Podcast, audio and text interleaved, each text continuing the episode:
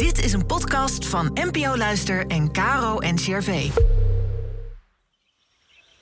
Welkom bij de Kloostercast, de podcast met antwoorden op alledaagse levensvragen vanuit de kloostertraditie. Inspiratie voor je dag.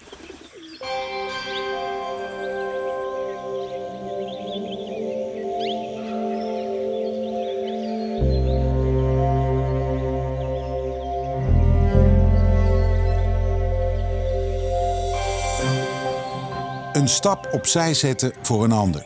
Waarom zou je?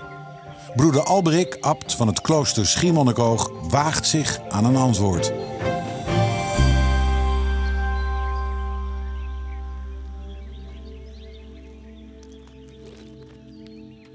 Wat een vraag. Kun je een stap opzij zetten voor een ander?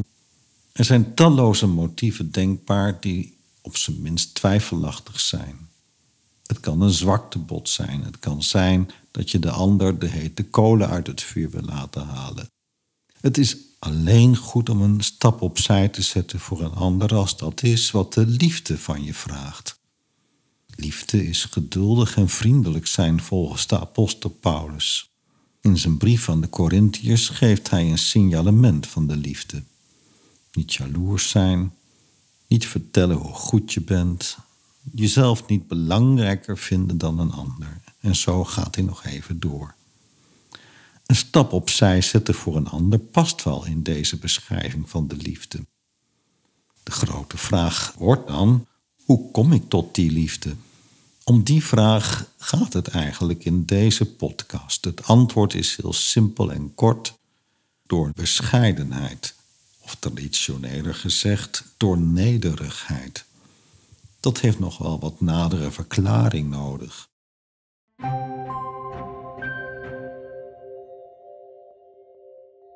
Nederigheid staat centraal in de regel voor monniken die Benedictus schreef. In mijn klooster leven we volgens die regel. Nederigheid is geen kruiperigheid naar anderen toe. Nederigheid gaat over de verhouding tussen God en jou. Benedictus maakt je eerst ervan bewust hoe jij jezelf beleeft van binnen. Je staat voortdurend in contact met anderen. Waar ligt je aandacht? Je hebt je eigen verhouding met jezelf. Als je niet oppast, kun je zo bezig zijn met duizenden gedachten, vaak over wat jij denkt dat anderen van jou zouden kunnen denken, dat het je helemaal opslokt. Er is ook nog iemand anders. Je ligt helemaal open voor God. Soms is dat vreeswekkend, benauwend, soms een opluchting. Zo ga je door een hele achtbaan van emoties als je je zo helemaal openlegt voor God. Alles wat je in jezelf tegenkomt. Alles wat er van anderen op jou afkomt en wat dat dan weer bij jou oproept. Benedictus spoort je aan, laat je niet meer opslokken door dat alles, alsof daar je leven van afhangt, maar breng werkelijk alles voor God. Leef je leven ten volle in Gods aanwezigheid.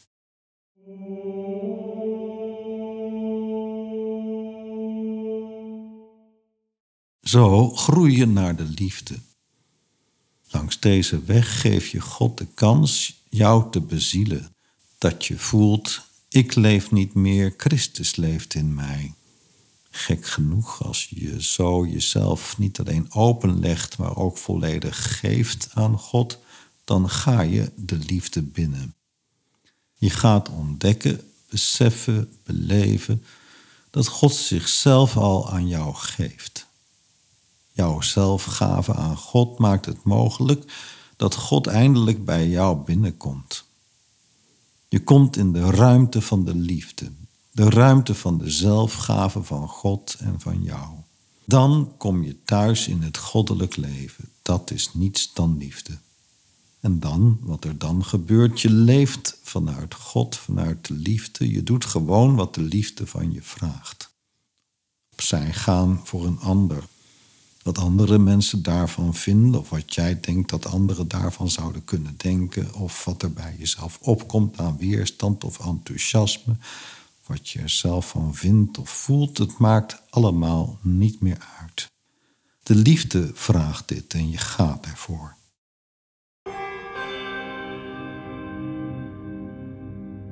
Jezus, blijf bij mij. Blijf zo bij me in alles wat ik doe, voel, beleef, dat ik me langzaam aan jou ga toevertrouwen.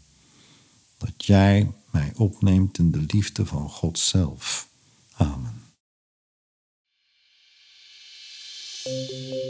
Morgen in een nieuwe aflevering van de Kloostercast horen we Dominicaan Michael Dominique Magielsen over het moederschap van Maria.